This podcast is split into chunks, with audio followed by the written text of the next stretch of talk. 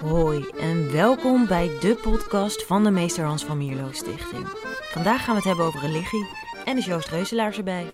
Veel plezier! Drie jaar geleden begon hij als hoofdredacteur van ID, het tijdschrift van de Van Mierlo Stichting. En hij was, laten we daar maar eerlijk over zijn, toch een beetje een vreemde eend in de bijt. Want dat hoofdredacteurschap, dat combineerde hij met zijn werk als remonstrantspredikant.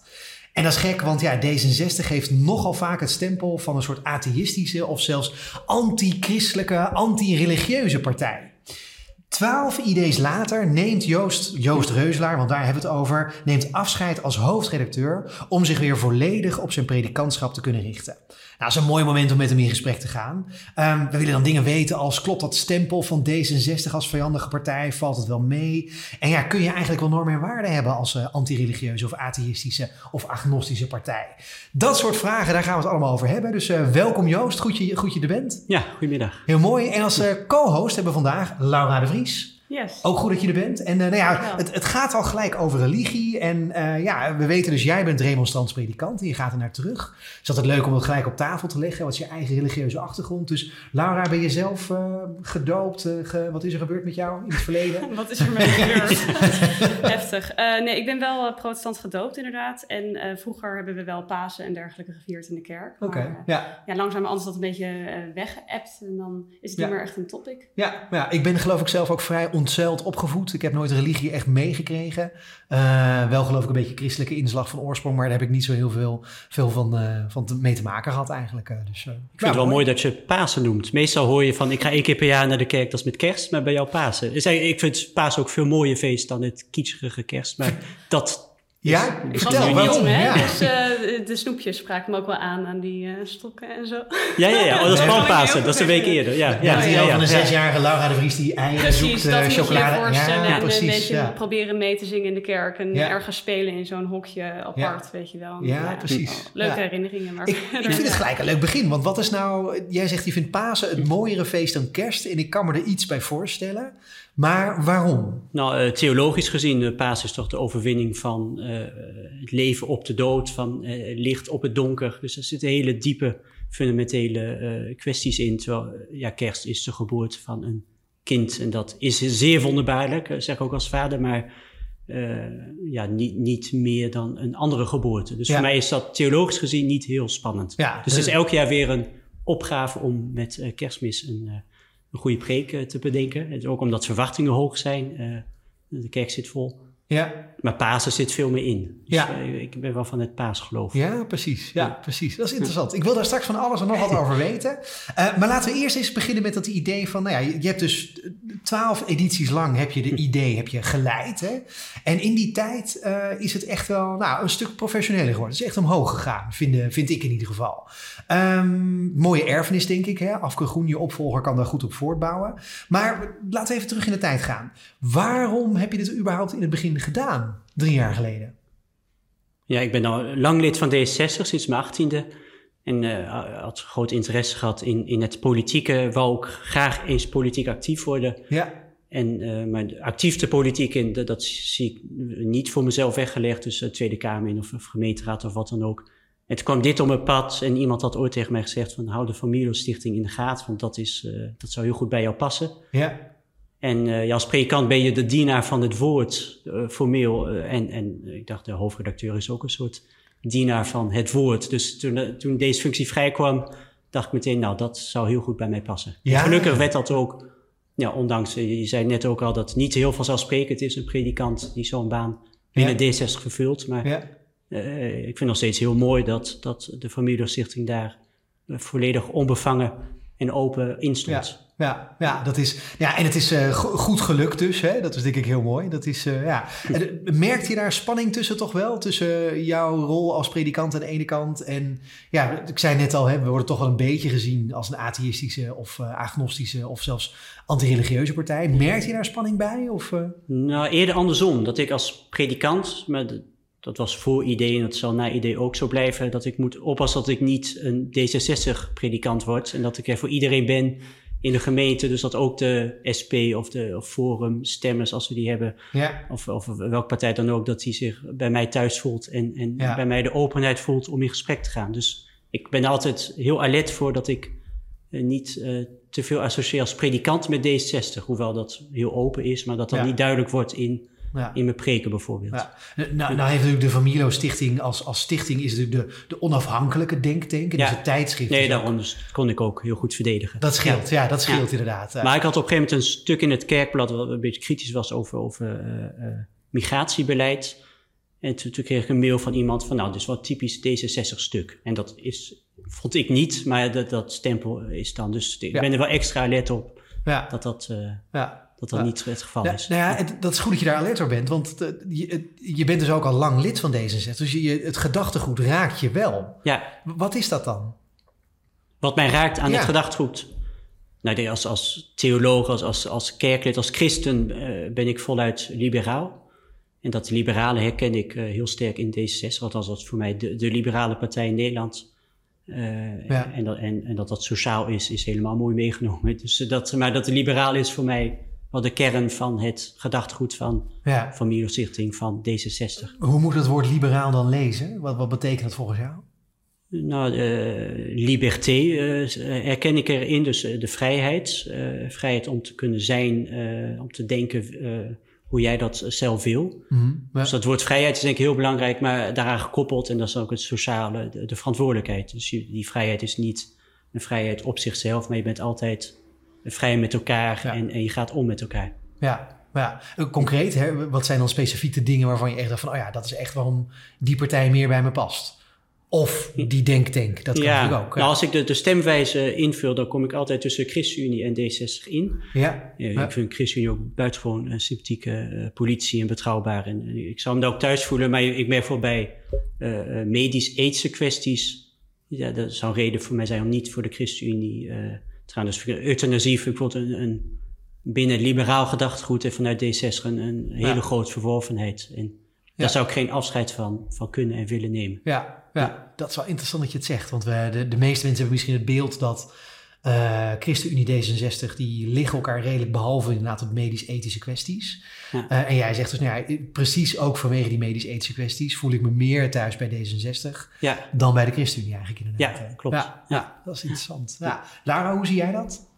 Nou, ik vroeg me nog wel af, Joost, hoe, je, hoe dat voor jou is. Eh, want hangt dat liberale ook samen met eh, het geloof voor jou? En wat, in hoeverre hangt dat dan samen? Ja, enorm. Ja, voor mij is, is dat. Nou, niet als politieke stroming, maar, maar waar het voor staat is. eh, een, een citaat van Paulus bijvoorbeeld. eh, Christus heeft ons vrijgemaakt opdat we vrij zijn. Dus ik vind die vrijheid waar we in gesteld worden. eh, is voor mij van levensbelang. Daarom ben ik ook tegen dogma's of tegen regels. Die volledige vrijheid waar we als mens in gesteld worden. Dus we zijn geen slaven meer. We zijn- we worden gezien door God, door elkaar zoals we zijn. En dat is goed. Ja, dat Mhm. is voor mij van levensbelang. Ja, ja. En dat sociale dan waarschijnlijk ook weer met het idee van naastenliefde en dergelijke. Ja, klopt.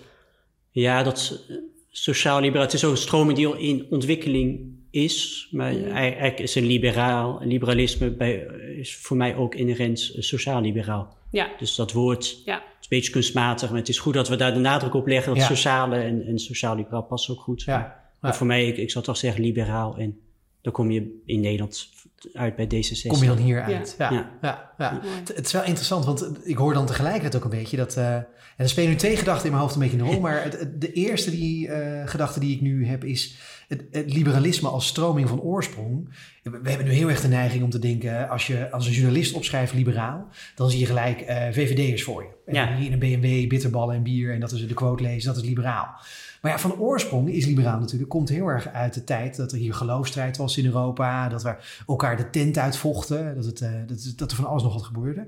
Ehm, maar dat is waar het liberalisme eigenlijk ook geboren is. Dat je Ja, veel meer klopt. inderdaad als individu je geweten hebt en dat dat is wat het betekent om vrij te zijn. Dat je met je eigen geweten zelfbeslissing moet nemen en dat die, die organisaties, die structuren die er allemaal zijn, ja, dat die ook maar toevallig zijn eigenlijk. Ja. Zie ik het zo een beetje goed? Dat het Nee, zeker. Ja. En daar zie ik ook parallellen in met eh, de, de samenleving en de kerk. Ja, Dus dat, dat ook vanuit de kerk, dat we als, als gelovigen denken ook, er is geen instantie die mij gaat vertellen hoe ik moet geloven. ja, En dat kan ik ook niet als predikant aan een ander opleggen. En zo Ja. zie ik het bij de overheid ook. Uiteindelijk, je moet ervoor zorgen dat we elkaar niet moorden en, en eh, vermoorden. En, en de basisvoorwaarden moet de overheid wel stellen. En als je niet mee kan komen, dan, dan helpt de overheid je. Ja, Maar in principe ben je volledig vrij om je leven in te vullen zoals jij dat wil. ja, ja, ja. Dat is natuurlijk wel een opvatting in het christendom die niet door alle christenen gedeeld wordt. De Ja. remonstranten zijn wel Nee, een aparte stroming. Ja, zeker. Ja. Hoe zit dat?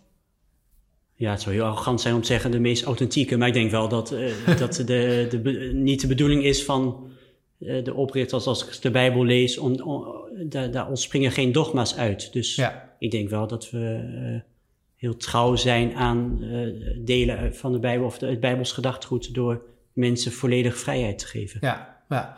En, eh, voor, voor een totale leek, hè, dat zei ik net al, ik ben een beetje een soort ja, buitenstaander als het om dit soort zaken eigenlijk gaat. Hoe, zit dat dan precies, die verhoudingen tussen al die, eh, al die varianten en interpretaties van het christendom? Eh, bijvoorbeeld Ja. als je de synode van Dordrecht erbij pakte, die hadden bepaalde regels afgesproken. Ja, Die waren juist wel redelijk dogmatisch, geloof ik. ja, dat is een pijnlijk punt. Ze zien over door, want toen zijn we eruit gezet. Als, Ja, daar, daarom als ga ik naar remonstranten. terug. Ja, eh, precies. Ja. Ja. 16, 18 en dat ging over tolerantie en godsdienstvrijheid. Ja. Dus de remonstranten vonden dat je binnen het kerkverband ook eh, ruimte moest zijn voor verschillende meningen. Ja. En je had wel een kern waar je met elkaar over eens was, van dan- dat, dat is onopgeefbaar, maar daaromheen, nou, dan mag je, mag je de, de right to disagree, zeg maar. En Ja.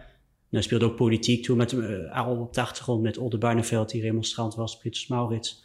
Maar toen in Dordrecht zijn de remonstranten eruit gezet. Ja. Ja. Ja, sindsdien eh, ja, is het protestantisme, althans vanuit de hervormde kerk, eh, ontspringen allerlei stromingen. En als mensen ruzie maken, dan starten ze een nieuwe kerk. Ja, precies. dat, Ja. ja. ja, soms missen een bisschop of een paus die zegt, eh, jongens, nu is het genoeg met gedonder en we zijn weer één. Maar dat, het is ook wel zijn charme, vind ik. Ja, Ja. Dit- oké, dat, is wel- dat is natuurlijk, ik kan wel begrijpen vanuit, vanuit het, het perspectief van de remonstranten dat het zijn charme heeft. Dat je zegt, iedereen begint zijn eigen kerk, want het past heel erg bij het idee je eigen geweten en, en geen dogma's. Ehm, maar, maar zitten er conflicten tussen? Zijn er eh, bepaalde stromingen binnen het christendom die tegen jullie zeggen, jullie horen er echt niet bij? Of jullie zijn afvalligen? Of, eh, Ja, ik denk dat on- onder streng christenen, dat, Ja. dat eh, remonstranten, ik heb wel eens gehoord dat remonstranten nog erg zijn dan atheïsten. Dus da- daar leeft nog wel het idee van dit, die zijn Ja. heel fout bezig. We zijn de eerste kerk ter wereld met homohuwelijk. ja, maar- Ja, dat wordt dan niet in dank afgenomen. En nou, euthanasie bijvoorbeeld zijn we ook als kerk zijn we zeer open in. Althans, dan laten we over aan het individu. Dus hebben we Ja. geen mening over. Ja, Ja. Dat, dat botst. ja, ja. Ja. precies. Het- Merk je dat nu nog ook als, als predikant? Mm, stukken minder. Je merkt wel dat eh, ook eh, een krant als Nederlands Dagblad, zelfs Reformatorisch Dagblad, vraagt me af en toe om stukken te schrijven. Dus ik merk wel door, doordat de, de, de ontkerkelijking zo hard gaat in Nederland, dat men al lang blij is dat er eh, iemand is die christen is. Zodat dat meer verbindt dan eh, de onderlinge verschillen. Ja, precies. Ja. Ja, En Ik vind het razend interessant. Hè? Dus, eh, de, mijn eerste gedachte was inderdaad van nou, het liberalisme heeft natuurlijk ook heel veel te maken met die, eh, met die geloofstrijd van oorsprong eigenlijk inderdaad. Hè? Dus dat is ook wat de kern van het liberalisme eigenlijk ook wel is. De, de andere kant waar ik ook nu een beetje aan zit te denken is ja, het is wel interessant. Hè? Je, je, je komt dan bij, eh, je wordt actief binnen een politieke partij waar je al langer lid van wordt. Die partij heeft toch wel een beetje een naam en een label. En je geeft aan dat je daar niet echt last van gehad hebt. Misschien andersom nu eigenlijk wel. Ehm, maar, maar, maar toch, hè, het eerste nummer wat je uitbracht van de idee, dat ging over religie. Ja. Was dat dan toeval of predestinatie? Ja, dat, die, die vraag heb ik me ook eh, gesteld. Eh, ja, dat is een, eigen podcast waard of dingen toeval zijn of niet. Ja, eh, Het, het kwam heel wel heel mooi uit zo. Het was niet mijn keus ook. Ik De, de redactie had voordat ik kwam al gezegd dat er een nummer over religie moest komen. En ja, dat ja. bleek mijn eerste nummer te zijn. Dus Ja. dat was, eh, het kwam prachtig uit. En het was op het goede moment ook. Als ook nu wel weer, als ik dat nummer zo doorlees, denk ik het zou wel weer goed zijn om weer een nummer te schrijven over religie. Want Ja. ik ben daar toch weer verder in gekomen. Ik zou andere schrijvers vragen. Dus dat is interessant. Hoe zou je het Ja. anders inrichten dan? nou, als, ik, ik heb hem de voorbereiding op vandaag eh, doorgenomen. Maar het is nog wat onderzoekend, wat voorzichtig.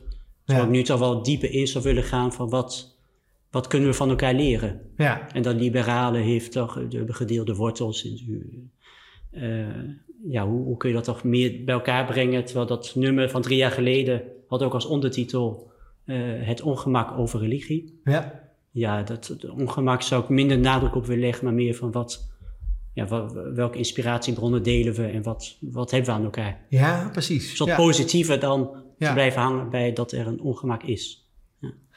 Dit vind ik wel heel interessant, want eigenlijk een vraag die ik ook zou willen stellen is de vraag, gezien de drie jaar die je hier nu in D66-kringen en bij de Familio Stichting hebt rondgebracht, Vind je, ehm, vind je dat het beeld klopt wat mensen van buiten hebben dat D66 een soms zelfs anti-religieuze partij is?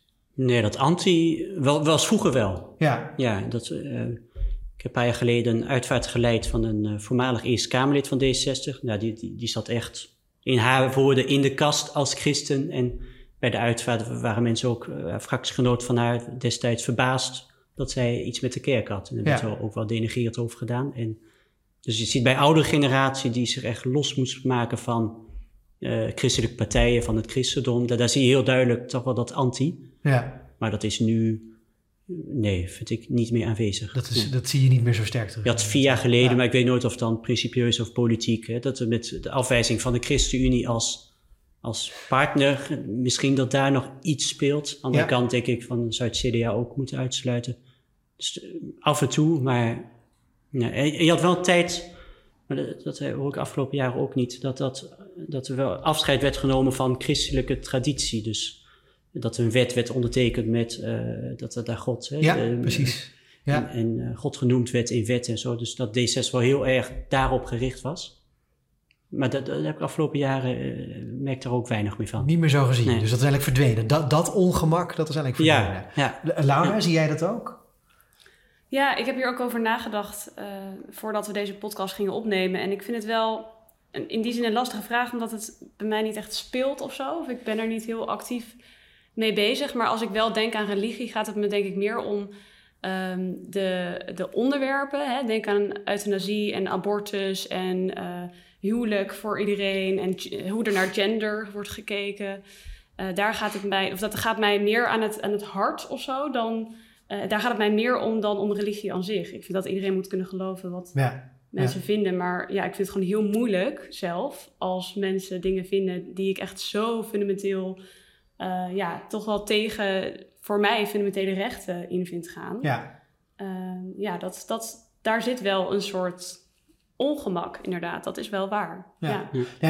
Ik vraag het ook, omdat we gingen dus net eh, terug al in de tijd naar, naar onder andere Synode van Dordrecht. Ehm, ook naar de wortels van het liberalisme, die dus voor een deel uit die geloofstijd zijn ontstaan. Ja. Maar dat liberalisme heeft in die tijd natuurlijk ook heel wel sterk anti-religieuze kenmerken gehad. Hè? Als je de Ja, geschriften van klopt. Voltaire erop naslaat. Ja. Nou, daar, daar komt eh, niet alleen de kerk, maar ook alle protestanten. Het komt er allemaal niet goed vanaf. Nee. Hij pakt echt alle geloven pakt hij erbij. En dat, is, eh, dat schrijft hij allemaal stuk. Dat is, eh, ja. Dus misschien zit er, zit er volgens jou in dat, dat, die neiging tot secularisme en in, in het liberalisme, zit er iets in van oorsprong wat er niet uit te krijgen is, wat, wat anti-religieus is? Ja, ik denk dat liberale onlosmaak verbonden is met bevrijding van dingen Ja. die beklemmend zijn. En ik ben toevallig deze zomer eh, in het kasteel van Voltaire geweest. Dus eh, dat, Kijk, Ehm, wat ik wel mooi vind aan Voltaire, hij zich inderdaad bevrijden van de kerk en van wat hem klein hield, maar het geloof had voor hem grote waarde. Ja, Het, het transcendente, het, er is iets groters waar ik voor leef. Hij, hij was volgens mij ook vrijmetselaar, eh althans, zag Ja. veel. Ja. Dus dat, dat liet hem niet los. Dat, dat, eh, van er, er is iets groters waar ik mij toe verhoud.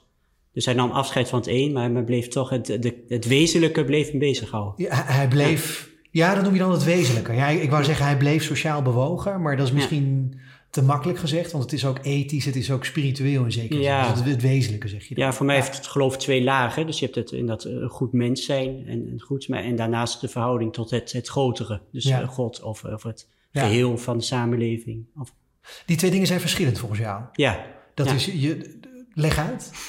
Nou, de, je, eh, je hebt eh, de, heel sterk de ethiek. Dus, eh, zou je misschien kunnen zeggen dat dat is Jezus. eh, Ja. van hoe ben ik een goed mens? En, en woorden als vergeving, liefde, zijn daarin kernwoorden. Maar je hebt ook Christus, God.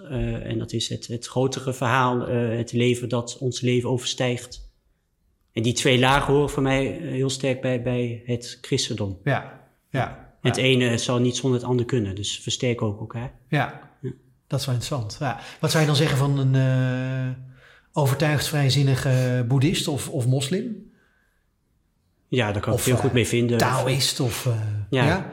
Ja, het, het, het, het is jammer dat er nog geen vrijzinnige islamitische stroming is. Dus ik zie, je hebt vrijzinnige joden, je hebt een li- liberale synagoge in Ja, Amsterdam bij mij om de hoek. Nou, daar heb ik heel goed contact mee. Het zou mooi zijn als op een gegeven moment ook een, een vrijzinnige imam, uitgesproken vrijzinnige imam, zou zijn met wie ik veel meer zou kunnen overleggen. Ja, precies. Ja. Bij de islam is ook wat dat betreft veel individualistischer. Hè? Mensen geven zelf ook inhoud aan, aan hun geloof. Is wat dat betreft heel protestants ook, de islam. Die heeft uh, meer, uh, meer, die lijkt qua gedrag meer op, de, op het protestantisme. Ja, ja je, bidt, je gaat ja. zelf bidden, je, je, je, hebt zelf verhouding tot God, je zoekt zelf. Uh, precies. Dat, ja, ja. dat is interessant. Ja. De, maar want hè, we hebben natuurlijk een beetje de afgelopen nou ja, 20, 30 jaar, uh, dat mag je dan eigenlijk niet zeggen, maar dat hebben we dan toch wel genoemd de Clash of Civilizations. Hè? Ja. Uh, en vanuit de rechterkant van het politieke spectrum, niet alleen in Nederland, maar ook uh, wereldwijd, vanaf bijvoorbeeld inderdaad de Republikeinen, zijn er allemaal boeken verschenen over dat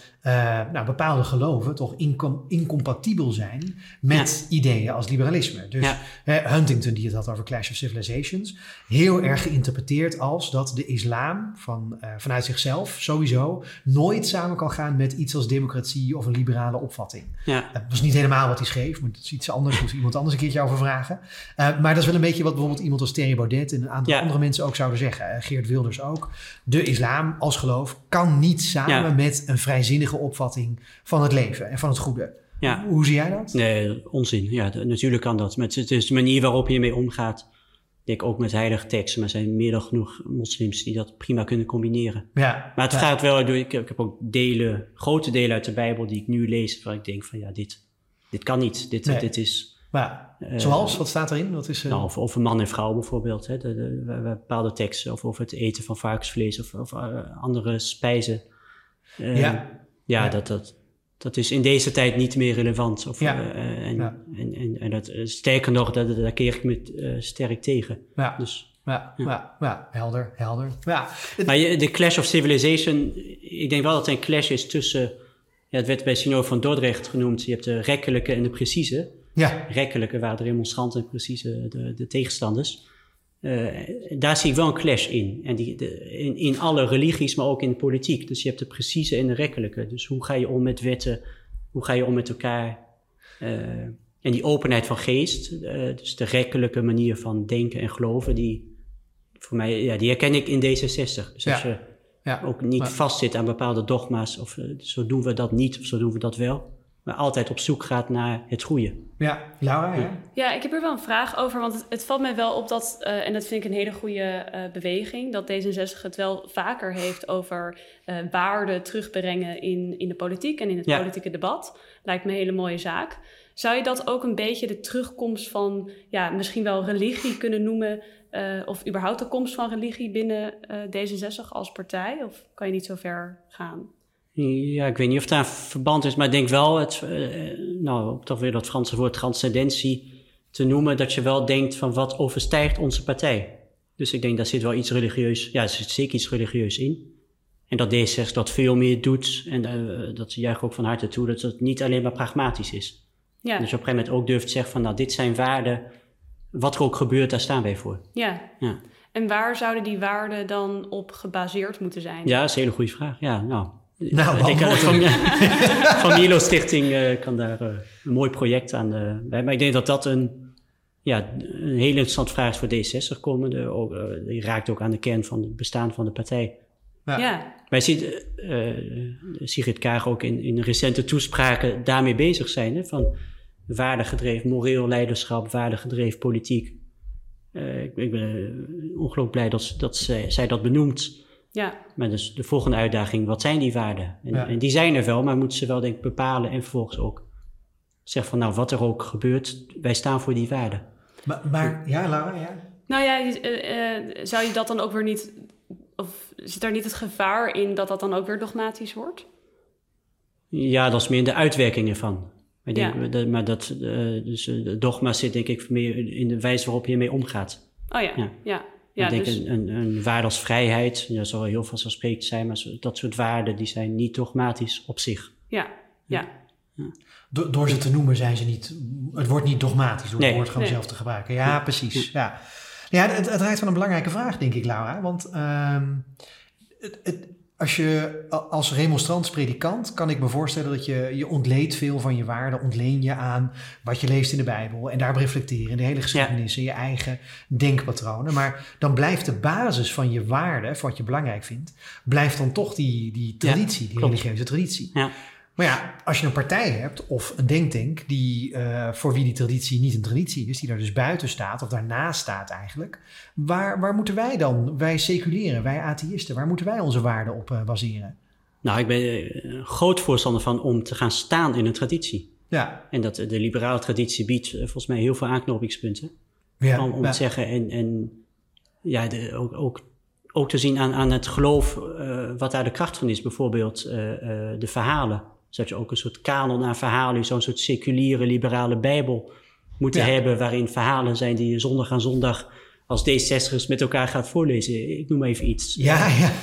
Feestdagen vind ik ook heel belangrijk als ja. markeringspunt van waar je voor staat. Ja. Dat uh, Pasen, dat je elke jaar denkt van ja, dat is de kern. Dat zou je als liberale, als D60 ook kunnen zeggen van dit zijn misschien wel de afschaffing van de slavernij, maar dat je op een bepaald moment denkt van nou hier, dit raakt aan de kern ja, van onze precies. Ja. identiteit. Maar, maar, wat ik interessant was, dat je bijna een soort sociologische analyse hebt van hoe waarden in een mensengeest tot stand komen. Je, je hebt rituelen samen en Ja. die beleef je. En je, Klopt. je doet Ja. dingen samen. Je zingt een liedje samen Ja. vanwege de zoveelste geboortedag van Voltaire bijvoorbeeld. Of Ja, precies. Ja. Dat is, dat, dat is eh, maar Ja. het gekke is een beetje dat als je, eh, als je dan de Anglo-Saxische literatuur leest over eh, moraal en ethiek en dat soort dingen zo, da- dan hebben ze het daar niet over. Dat doen ze dan niet. Als je dus nu de, de academische studie van, van morele filosofie of zo, dan Ja. doen ze dat niet. Dan, dan, bieden ze, dan zeggen ze, dan, we schrijven erover, maar samen een boekje lezen, dat doen we niet. Nee, nee, nee. nee.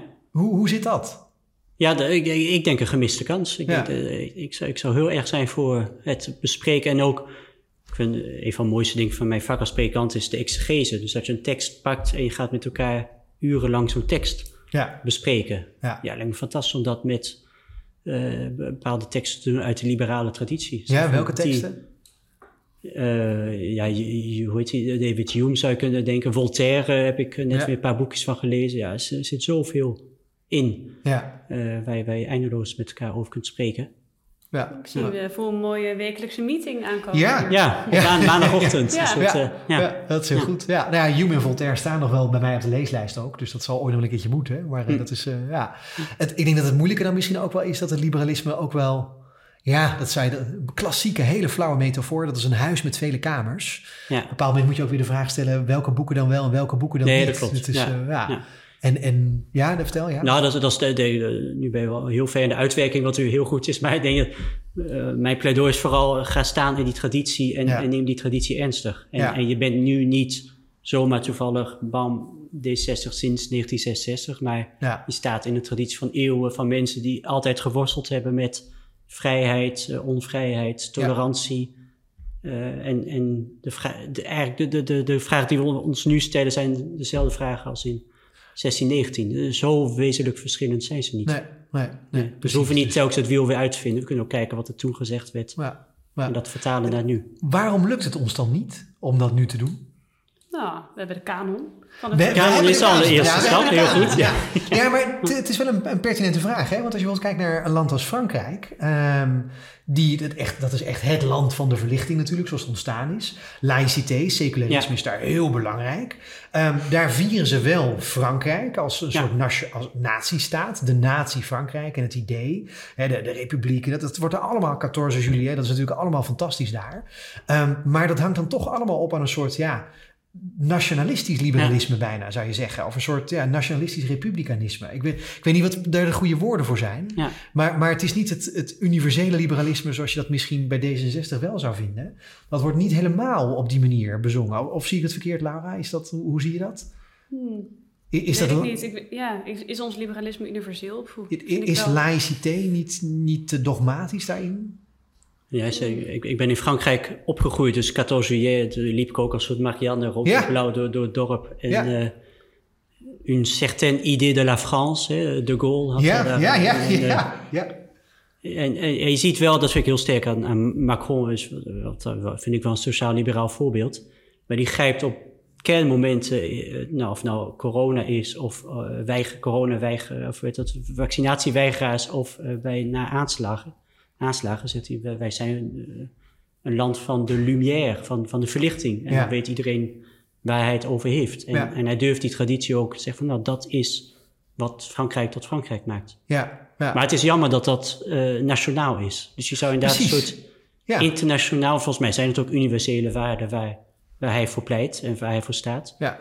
Ja. Ja. En dat was natuurlijk ook de gedachte van de verlichting van oorsprong natuurlijk. Hè? Liberté, egalité, fraternité Ja. voor iedereen. Ja, Niet beperkt. Het probleem was alleen dat daarna er kwam er de terreur en iedereen werd onthoofd. En toen ging Napoleon heel Europa platlopen. Ja. En eh, wat, ja, eh, als, als vrijheidje wordt opgedrongen, zoals Napoleon dat deed, voelt het toch minder vrij op de een of andere manier. Ik weet niet hoe dat zit. en de, en de laïcité is, eh, nou daar is Macron ook mee bezig. De, eh, dat de, de, de kerk werd heel lang als gevaar gezien. Ja, En dat is nu veel minder. En, eh, en toch zijn die lumière, de verlichting, is, is, is, ontspringt ook deels uit het christendom. Ja. Dus je kunt het een niet ontkennen eh, en het andere voorstaan. ja, Door Erasmus was ook door, door christelijk. Dus, ja precies. dus ja. de, en en dat, dat zie je, die worsteling zie je bij Macron en die zoekt ook een nieuw contact met kerken.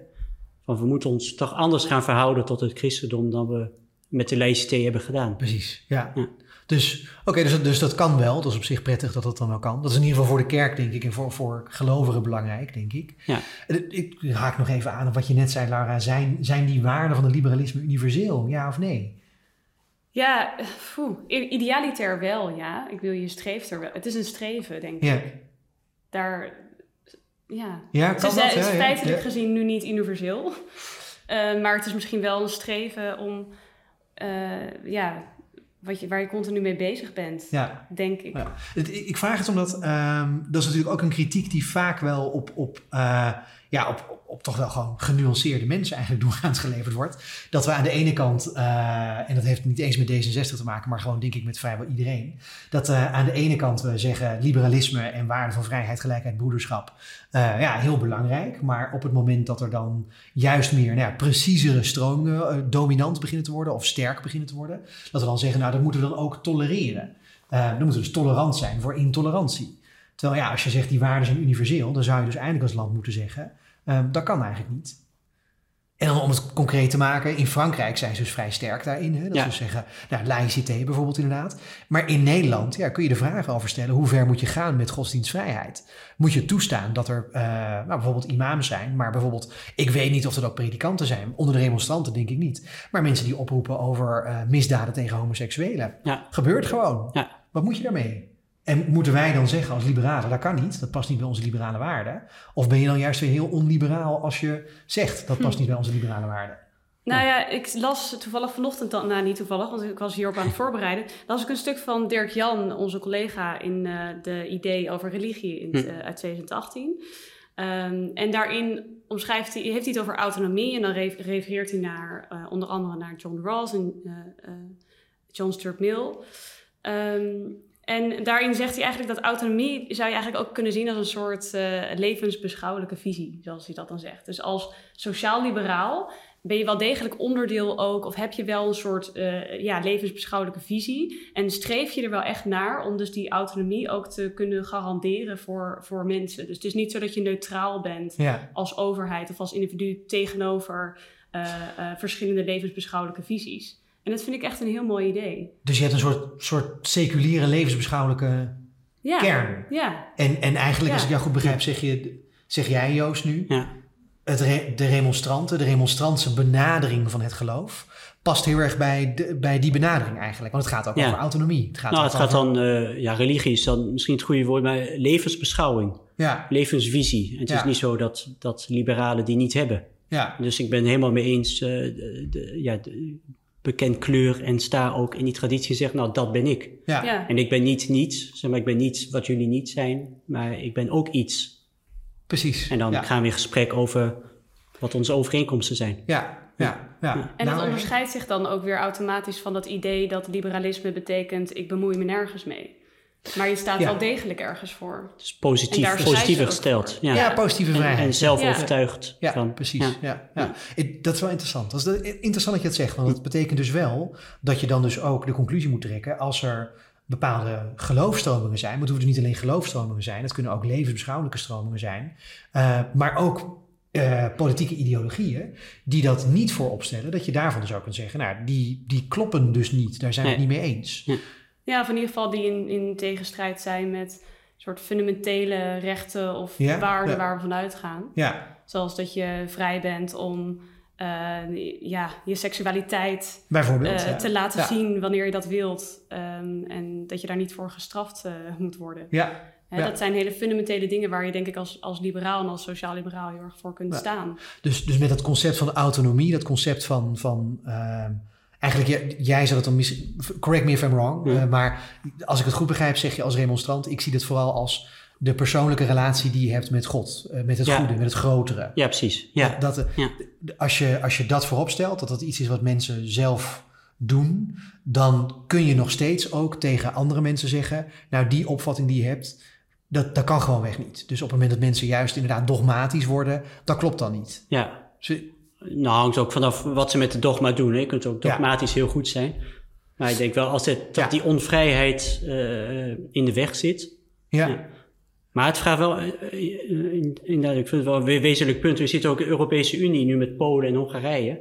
Dat we nu opeens zeggen van ja, nee, dat kan niet, want dat hoort niet bij Europese waarden. Maar er is nooit een gesprek geweest van wat zijn die Europese Ja. waarden? En wat is dat? Of eh, wat we begonnen als iets economische Europese Unie en we hebben het af en toe een beetje over gepraat, waarden.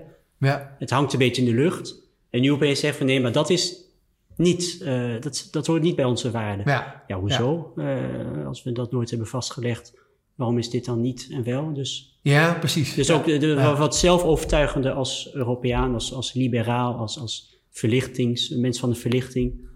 Van nou, dit, dit zijn wij. Ja, ja, En dan kun je ook zeggen op een gegeven moment, van, nou, maar, eh, wat, jullie doen is tegenstrijdig aan wie wij zijn en willen zijn. Ja, ja, ja. Het, het, een ander punt wat ik wilde, wilde aanhaken daarbij was wel...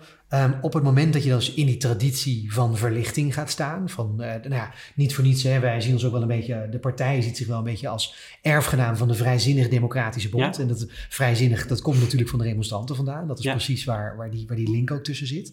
Ehm, maar ja, tegelijkertijd geldt natuurlijk wel dat als je dus in die traditie van verlichting gaat staan... dan zie je dat daar heel veel mensen in hebben geschreven... die het fundamenteel met elkaar oneens zijn.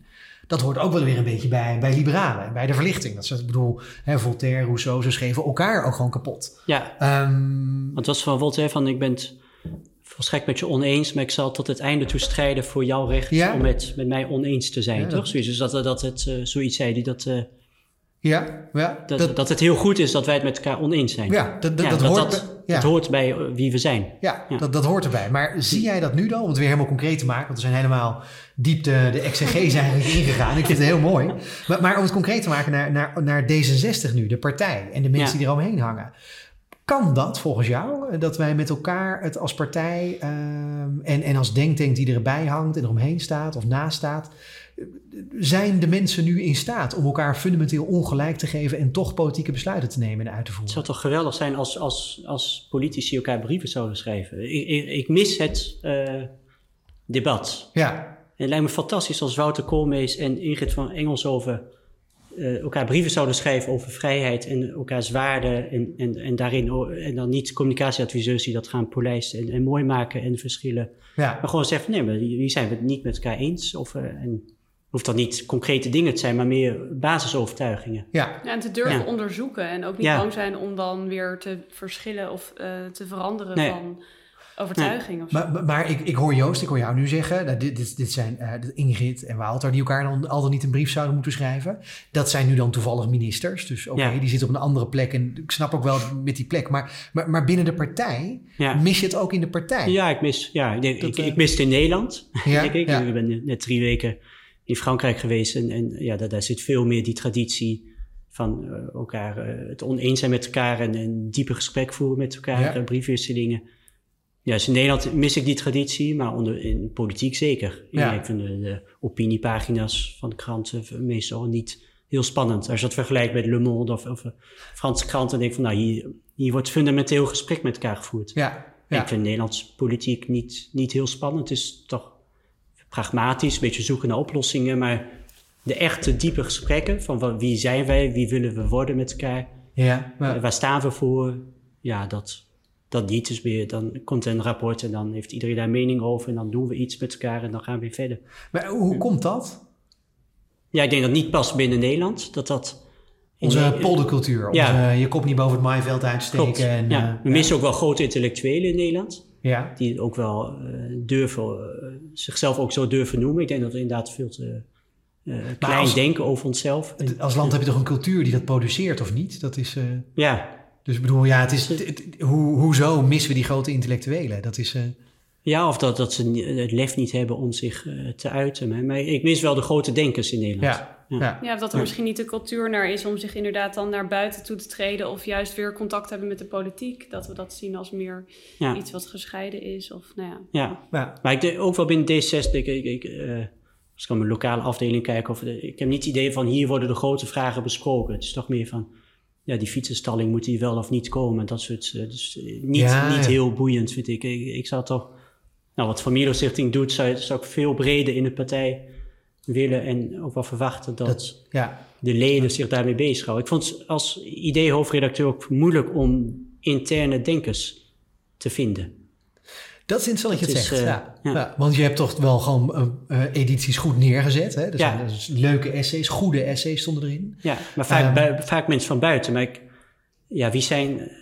Ik, kan niet twintig D60'ers, D60-denkers eh, noemen. Ja, ja.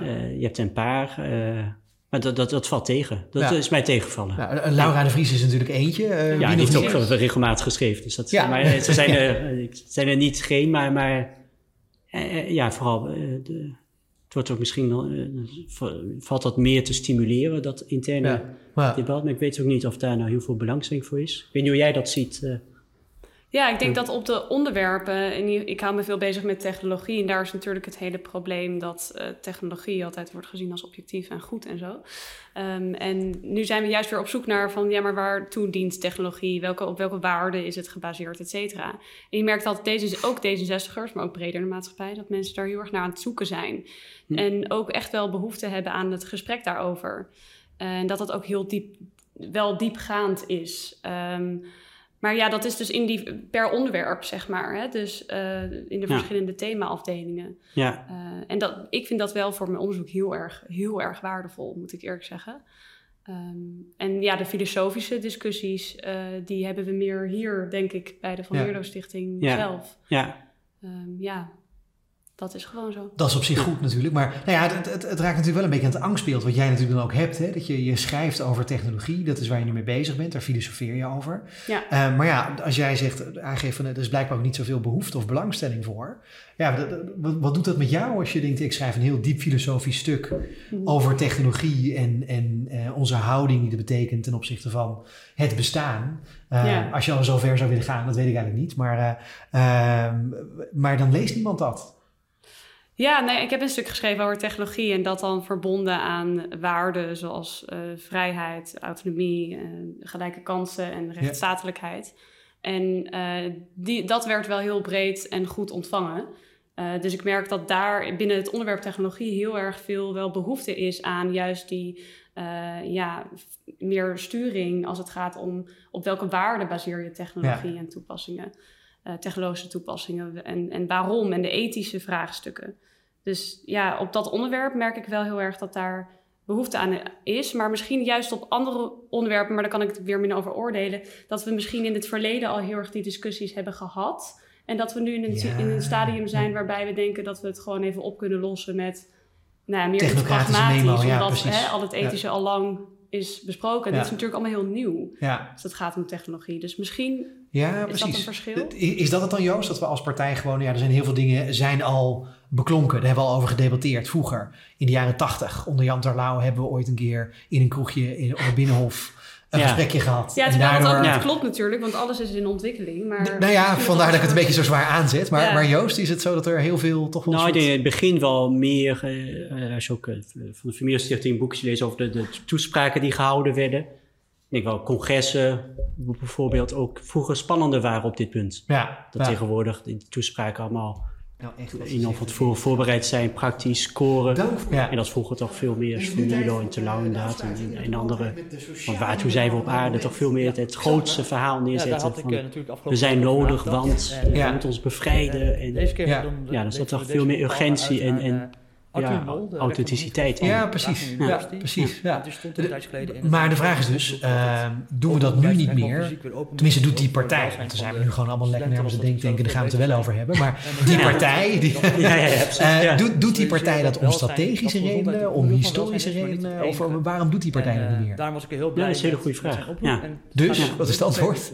Ik denk dat de behoefte wel, wel is, maar dat we op een gegeven moment uh, ook een soort molen zijn geweest van het moet, uh, dat het dat tijdstip moeten lijsttrekkers spreken, want dan halen, halen we primetime op tv. Ja. Dus het is, het is wel erg ook op, op het bereik, ja. denk ik. En dat we als partij toch veel meer moeten gaan nadenken over dan, uh, de waarde en wat willen wij bereiken met Nederland de komende jaren. Ja. En met Europa en met de wereld. Ja, precies. Ja. Grootser denken. Ja, grootser denken. Ja, ja want ja, ook als je denkt aan de uitdagingen zoals klimaatverandering, dan zou je juist verwachten dat zo'n echt wel filosofisch debat ook juist nu heel erg belangrijk is. En juist omdat er ook geen soort technologische uh, quick fix daarvoor is of zo. Ja. Dus het, er is wel behoefte aan en ik denk dat dat ook wel wordt gezien. Ja. Ja. Het, is bepaalde, het is een laag die je dan raakt. Hè? Die, die ik afgelopen jaar bij congressen, die laag werd bij mij niet geraakt. Maar dat je, en dat, dat zie je, uh, nou Obama is er helemaal een voorbeeld van. Dat je denkt van ja, wat verdorie, dit, ja. dat ben ik. Die Hij heeft het over mij. En, ja, ja, en ik geloof er weer in. En ik word gemotiveerd en ik ga ervoor. Ja. ja. Dat mist. Ja. ja. Ik, ik, ik moet hem eigenlijk hierbij gewoon afsluiten. Want ik vind het een mooie oproep om te eindigen en te zeggen dank. Maar het enige wat nog bij me opkomt is... Ik kom veel onder D66'ers, ook bij andere partijen, maar ook veel onder D66'ers.